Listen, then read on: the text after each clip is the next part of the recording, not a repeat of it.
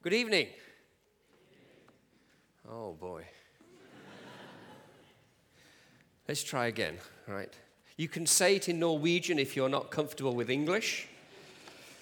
But God is an Englishman, so uh, when we get to heaven, you'll have to know English in order to speak to Him. Let's try again. Good evening. Good evening. That's not bad. That's not bad. Okay, I- have been asked to say just a little bit about myself. Uh, I'm English. Um, I was born at a very early age. I come from uh, a town, a city in England called Nottingham. Some of you may have heard of my father. He was a very famous man, Robin Hood.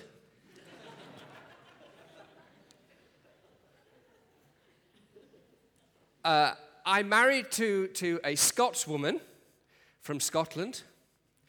And uh, we're now living just outside of Glasgow, which is in Scotland, and uh, which is cross cultural uh, because I, don't, and I have to learn Scottish. I'm going to special lessons because I don't understand a word that my neighbor says or my children.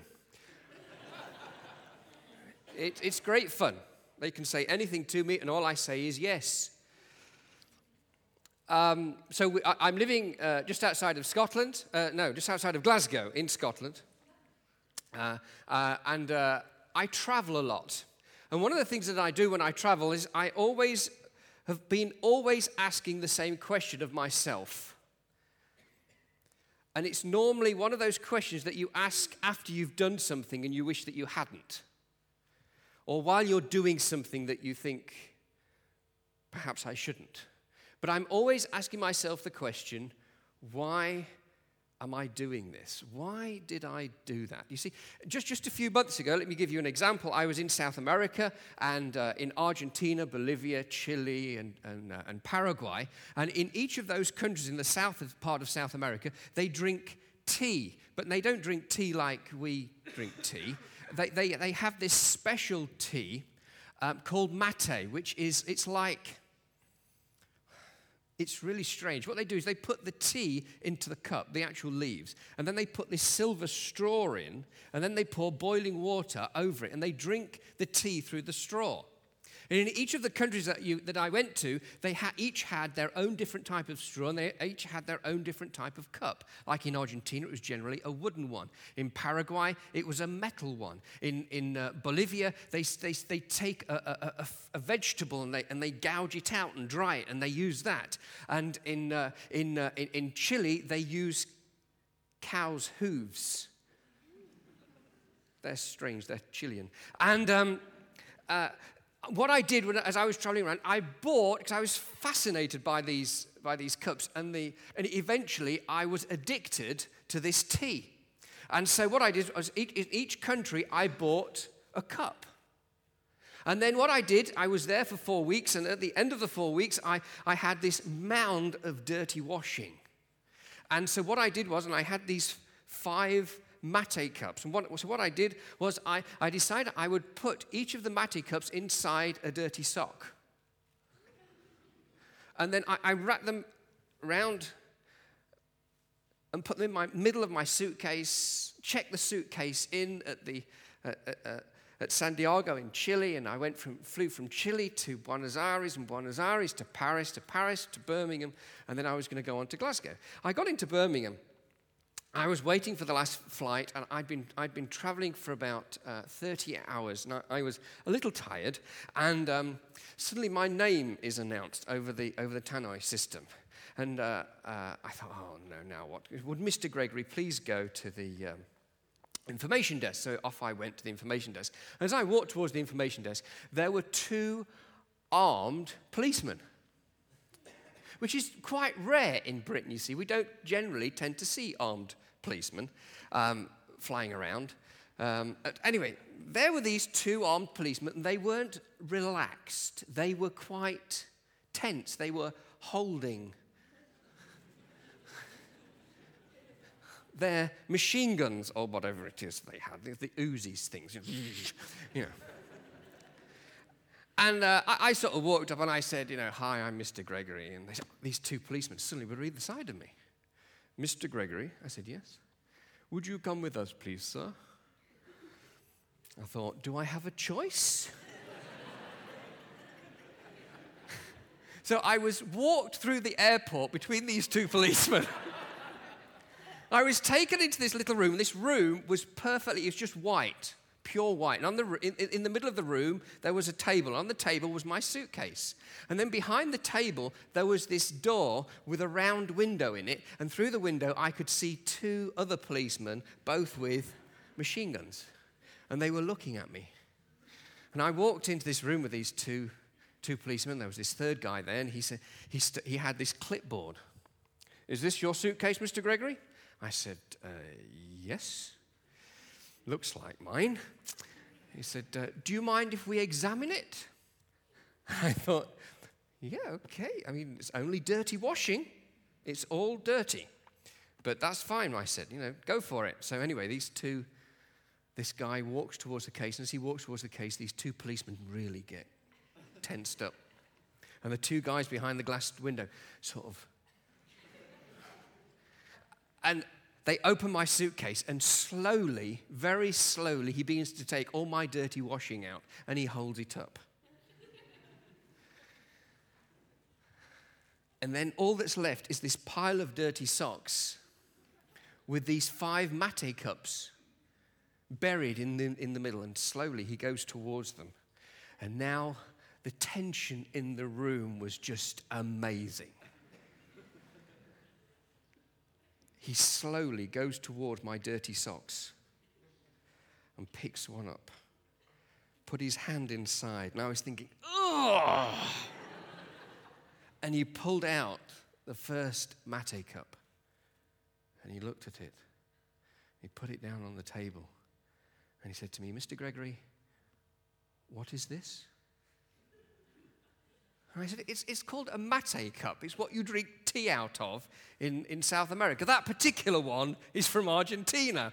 And then he went very quiet and he went again into the suitcase, got the second sock, put his hand inside, and this one really did smell. I mean, and pulled out the second mate cup. And he said, Mr. Gregory, what is this? I said, It's a mate cup. This time that's from Chile and he put it down on the table. And he, he did this with all five of them. And then he looked at the two policemen in the room and he looked at the two policemen throughout uh, the other side of the window. He said, You can stand down, it's a false alarm. And I said, uh, What's going on? And he took out from his clipboard six x ray photographs of my suitcase. And these mate cups actually look like hand grenades. And he, he, he continued to tell me, as, he, as we were putting all my dirty laundry back into the suitcase, he was telling me how that Birmingham Airport had had a major security alert, that no planes were landing, that no planes, no planes were taking off, and no planes were flying over Birmingham. And it was all because of these five simple mate cups. And all the time, as, as, I, as I was walked by these two policemen out of this room, I was thinking to myself, why do I do it? why me? There was another time when I, I was invited to go and do, do, uh, uh, uh to, to, speak in the south of England, which is very posh, which is where the Queen comes from. And um, I, I, went down there and I was given the directions. It was before sat navs were invented, you know, so we had bits of paper in those days, and before mobile phones. So yes, I'm that old. And um, I arrived at what, there was these two churches either side of, the, of a road. And I didn't know which was which, which one I was to go in and speak to these youth leaders. So I went into one and I, there was nobody there. So I went across the road into the other one and the church was open and there was nobody there. And I thought, well, I don't know which one is. I'll just sit here and wait and see. And I was there to speak to, uh, to speak to, to, to, some youth leaders. And uh, after about half an hour or so, this uh, minister, vicar, came in the church and said, Ah, are you the speaker? I said, Yes, I think so. And with that, he, he disappeared. And he came on, you know how Anglican um, ministers, vicars have all their, they, they dress up, you know, they look this fancy dress that they wear. And he came out with all his fancy dress, and suddenly the church doors opened, and this funeral came in. And I was thinking, I'm in the wrong place. You know, and so he started conducting the funeral service, you see, and all the time looking at me, because I was just dressed in jeans and a t shirt, you see. And I just sort of began to crawl out of the side of the church and ran across the road, and there were all these youth leaders, you see, in the, in the right one. And all the time I'm thinking to myself, why does it happen to me? Why me? And you know, one of the things that I've got, I've got this amazing job. I, I travel a lot, and one of the things that I do when I travel is I visit a lot of missionaries. And one of the questions that I keep asking a lot of missionaries and a lot of people around the world is why do you do what you do? Why do you do it? I, I was in some, Egypt some time ago uh, and, and, and I met with a Sudanese pastor who'd walked across the border from Sudan into Egypt deliberately to get arrested so that he would be put into prison in, in, in, in Cairo because he wanted to plant a church amongst Sudanese refugees in the male prison in Cairo. And I met him just after he'd been released in the south of Egypt. And I said to him, Why do you do it? What is the motivation behind doing it? And he said this to me because of Jesus. Because of Jesus. I, I, went into another place in Egypt to the largest church in Egypt. It's 15,000 people. And when they have a service, 15,000 people turn up. It started in 1974, and it's not in the center of town. It's not with nice people. It's not with educated people, it's with people who collect the trash, the rubbish. You see, in Egypt, they have this system whereas at night you would put your rubbish in a carrier bag and then just leave it outside your house. And late at night, two, three o'clock in the morning, the underclass, the people that are actually absolutely nobodies that live off the rubbish, go around the city and collect all these carry bags together and take it back to this place. And it's called Mokattam Hills. And one evening or one morning, about three o'clock in the morning, a church pastor in Cairo saw and was on the street doing something and got talking to the garbage collector outside his house. And he said to him, where, do, where does this go? And this guy said, My family and I take collect the rubbish, and then my wife and my children sort it out during the day. And then we sell what we can. If there's any food in there, we eat it. If there are any clothes, we can either sell them or we give them to our children or, or, or whatever. This is how we live. And this pastor said, How many people live like that? And this garbage collector said, 30,000 just in this one rubbish tip. And there are six rubbish tips around Cairo. And this pastor just shared a little bit about Jesus. And this garbage collector turned around and said to him, You know, I would like you to come to my home to share with my family what you're saying about this Jesus. And so a few months later, this pastor goes down to the garbage site and meets in a wooden shack in the middle of the garbage with this man's family. And he's arranged for people, his neighbors, to come and listen to what the pastor has to say. Nine people turned up on the 13th of April, 1974. That pastor was so taken with these people that he decided that he and his family would move from Cairo in a rather nice apartment and move and live with these people on the rubbish dump. Today, that church is 15,000 people. And I met this pastor in 1999, and I said to him, Why did you do it? And he turned around and said to me, Because of Jesus. Because of Jesus. Recently, uh, over the summer, I was in Cambodia. And uh, we, we, I'd taken a group of young people from the Faroe Islands, which is not far away ish from you, two hours by plane. And we went all the way to Cambodia and we went into a village in the southwest Uh, of Cambodia where only one known believer was. And a church leader took us in, and it was his sister who was the believer in this, in this village. And we went into this village and we were able to hold a series of meetings. The first day, 300 people turned up. The second day, even more turned up. By the fifth day, the whole village was there. There then, we were finding that people were becoming Christians. By the end of the week, there was a church there of believers of about 100 people.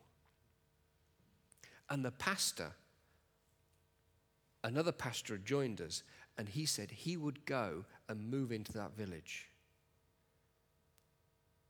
And I'd visited with this pastor, and I said to him, Why are you going to move here? There's no electricity, there's no running water, there is absolutely nothing. And his reply was exactly the same as the other two because of Jesus. Because of Jesus. That pastor has now moved into that village, and the police have come down and closed down the church and won't give them permission to meet. They also won't give him permission to actually live in the village. But he's still there. And he's going to be traveling there every weekend until he gets the permission. You know, it's easy for us. At times, it's easy for us. But you know, the more and more that I travel, no matter where I go, whether it's in Europe or whether it's outside of Europe, wherever I go, I keep asking this question why do you do what you do? And you know, the, quite often, I get two answers actually.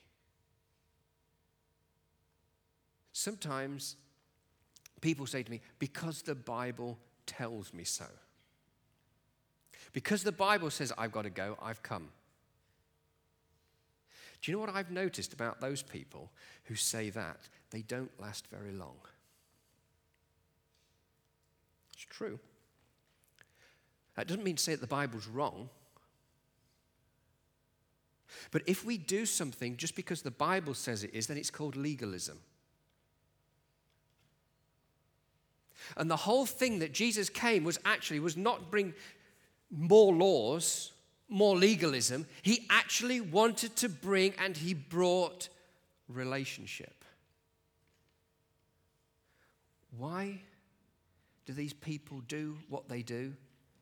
The Cambodian pastor, the Egyptian pastor, the Sudanese pastor? Because of Jesus. That was the first thing that all three of them said to me. They didn't say because the Bible says. They said because of Jesus, because they have that relationship with Jesus that no matter what, they will follow him. You know, I could stand here tonight and tomorrow and Sunday and tell you you've got to go because the Bible tells you you've got to go. And I could load guilt. I'm good at that, according to my kids. And and, and go down that line. And I tell you something, some of you would do it because you want to be free from that guilt, but you'll get nowhere. Guilt doesn't work. love does. Love does. Why do these people do what they do? Because they want to worship Jesus. They love Jesus. They adore Jesus so much that they will go anywhere, do anything for Him. They want to do and say and live exactly what Paul said in Galatians chapter 2 For it's no longer I that lives, but Christ who lives in me. You know, if you go through church history, if you go through the New Testament, if you even start going through the Old Testament, you will find all the major characters who were successful were successful not because the Bible said, not because they thought it was a good idea, but because they were in relationship with God. They loved Him so much. So I want to ask you the question tonight why do you do what you're doing? What are you doing for Christ and why are you doing it? Is it because you feel obligated? Is it because somebody's come along, some fancy preacher with funny stories, and made you feel guilty? Or is it because you are so in love with Jesus that there's nothing else you can see about doing. Nothing whatsoever.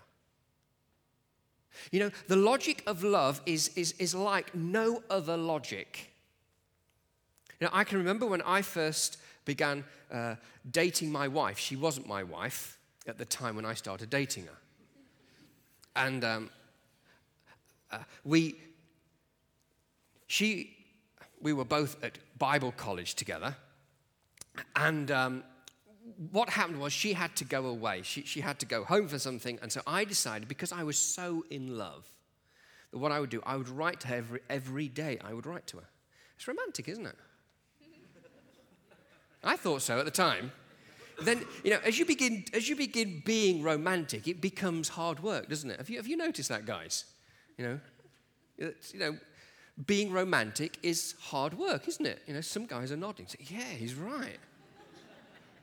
well, what I, what I did, you see, was I used to write to her every day. And one particular day, it was a Friday, I will never forget this day, but I ran out of paper.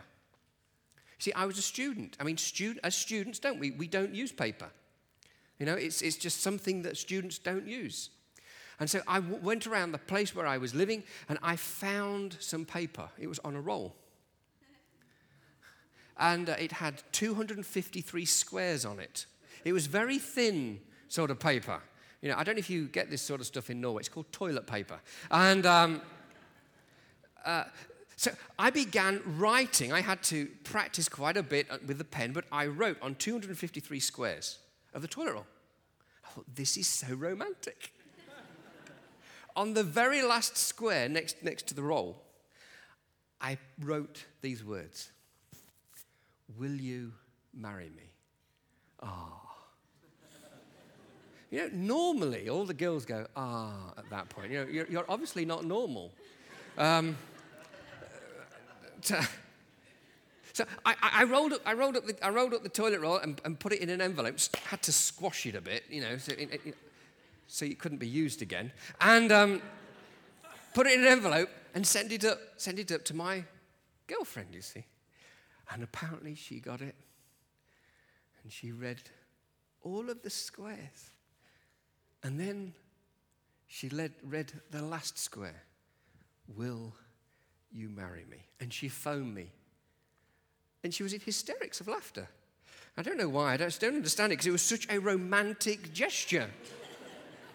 you know, I sacrificed going to the toilet to ask my girlfriend if you would marry me. And she it was in absolute hysterics. And she said, Yes. You know, love does that, doesn't it? You want to be with that person, you want to be connected. You want to know what they're doing, what they're thinking, what they're saying. You're wanting to know how they are. When they're in pain, you're in pain. when they're happy, you're happy. That's love, isn't it? That is love. You would do anything to be with them. Are you that in love with Jesus?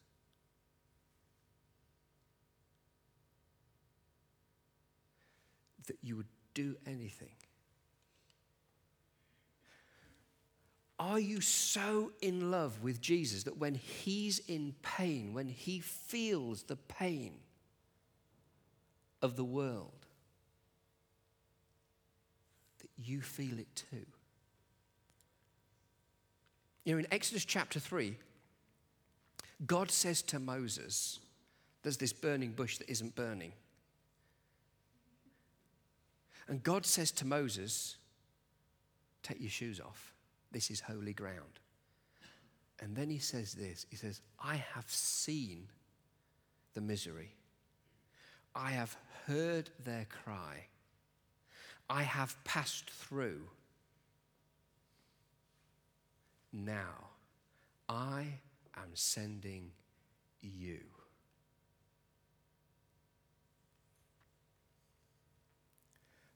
Moses connected with God, and God shared with him his heart, and it was broken.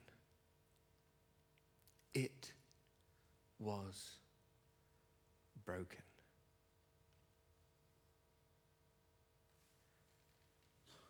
I'm concerned. I've heard. I've seen. I've passed through. And now I'm going to do something about it.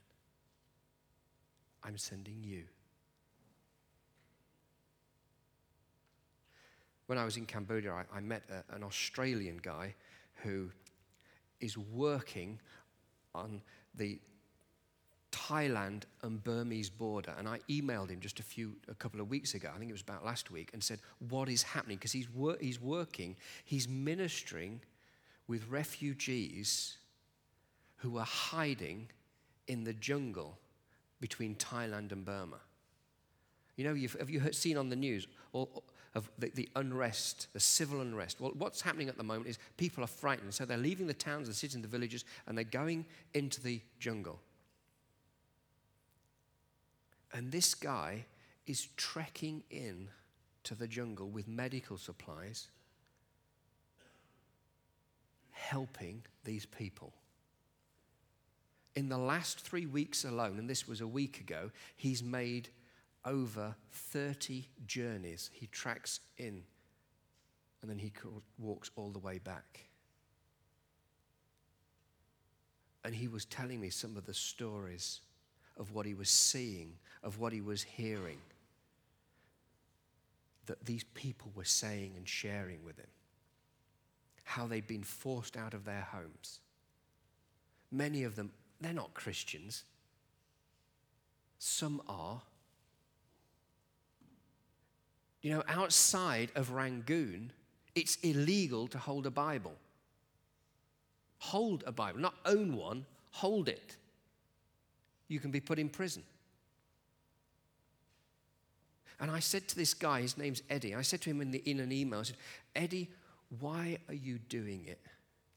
And you know, he wrote back and he said this to me. He said, Because every time I go in, I see Jesus, I hear Jesus in the lives of these people. And I love them as much as I love Jesus, and therefore I just want to be with them. He said to me, If I could be with them 24 hours a day, I would.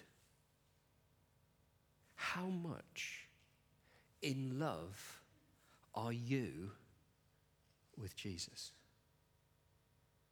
Are you prepared to say, not just sing, not just say, but to actually live out what Paul said. It's no longer I that lives, but Christ who lives in me. I want to share something with you. That is where I struggle. I want it, but it costs. It means I've got to die in order that Christ can live through me. The alternative is nice Christianity. You know, I sometimes ask the question, you know, what has happened to radical Christianity? To the unnice brand of Christianity that turned the world upside down with 12 men? What happened to the category smashing, life threatening Christianity?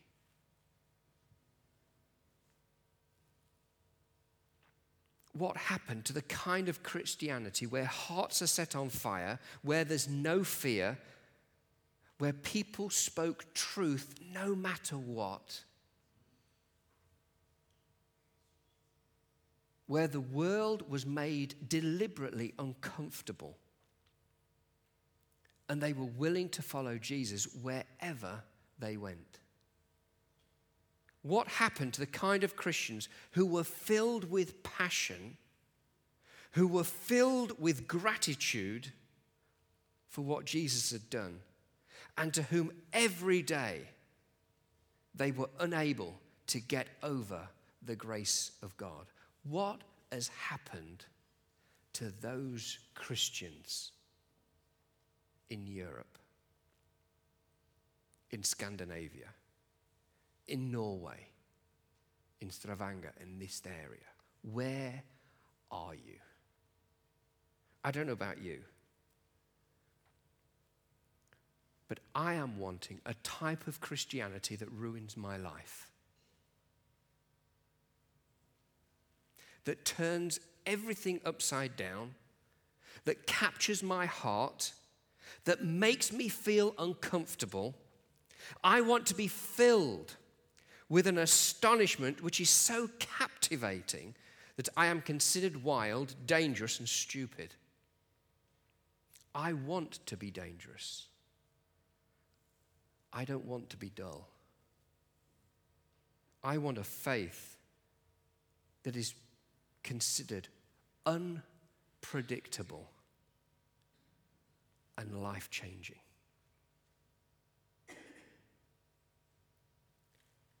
How much do you love Jesus? Enough to say to him, Ruin my life because I am so captivated by you. That's what Paul is saying. When he says, It is no longer I that live, but Christ who lives in me, what the reverse, the upside down, the parallel, the mirror of what Paul is actually saying is, God has actually ruined my life. I was doing quite nicely persecuting these Christians, and suddenly I'm blinded. I'm sent into exile for five years. I'm then returned to probably one of the worst cities in the whole Roman Empire. Antioch, to a group of people that I was actually persecuting, and they're in Antioch because of me. And now, when I look back on my life, I have been shipwrecked, I have been stoned, I have been beaten, I have been falsely accused. You name it, it's happened to me. His life, as he knew it, had been ruined. It wasn't a comfortable Christianity. It wasn't a nice Christianity. It was the type of Christianity that said, I will follow you because I love you. Some Years ago, I was reading a book by Philip Yancey, Yancey called What's So Amazing About Grace. And in it, he defines grace like this. He says this There is nothing you can do to make God love you more. There's nothing you can do to make God love you less. That's grace. That is the message that we have of, from Jesus. It's the message that He's given to us. There's nothing we can do to make Him love us more. There's nothing we can do to make Him love us less. He just loves us. Absolutely nothing.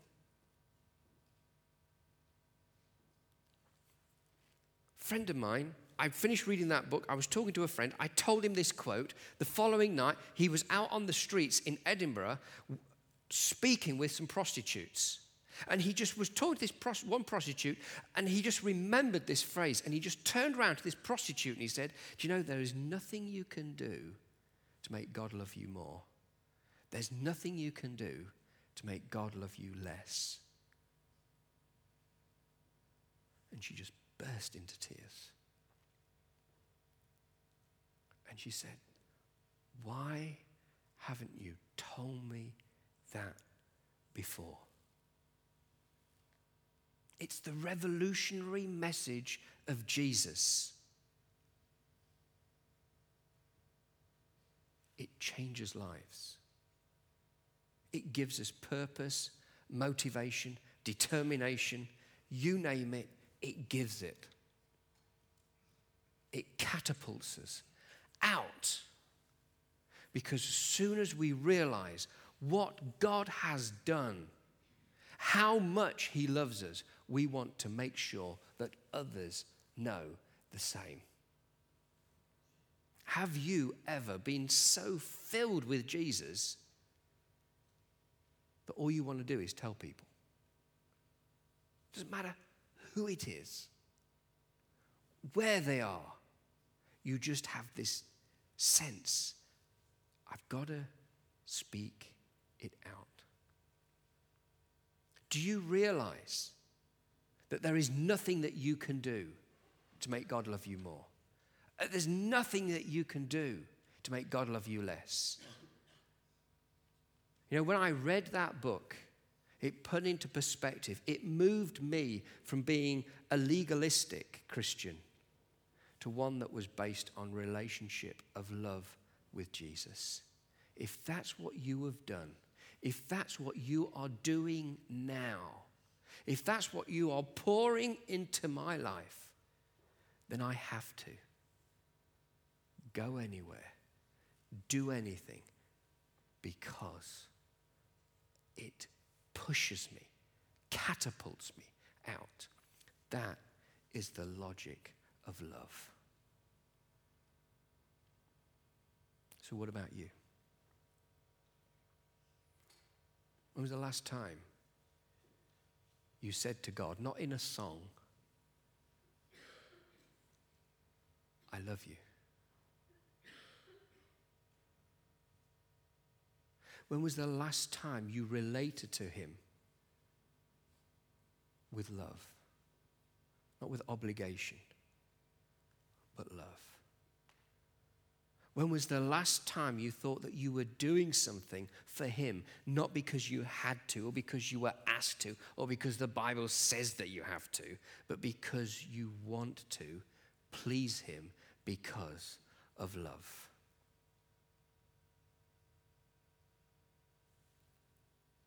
Why do I do what I do? Why am I as stupid as I am? Because of Jesus. It is no longer I that lives, but Christ who lives in me. Not a nice Christianity, a radical Christianity a Jesus that will turn us upside down and inside out, and the world as well. Let's pray together.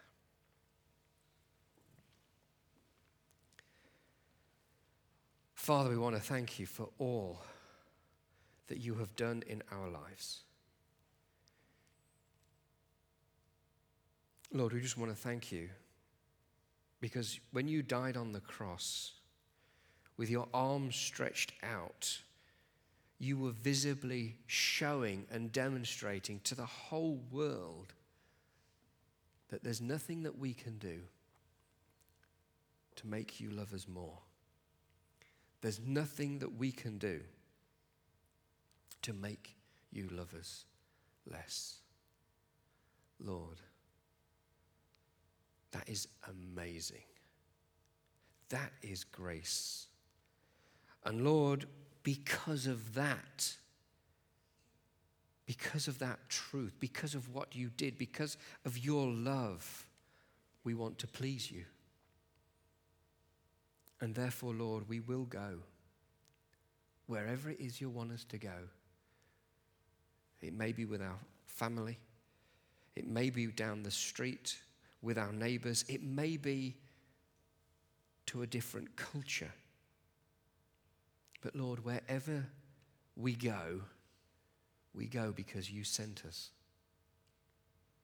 loving you, following you, wanting to see you not just transform our lives, but the lives of the people whom you have put us in contact with.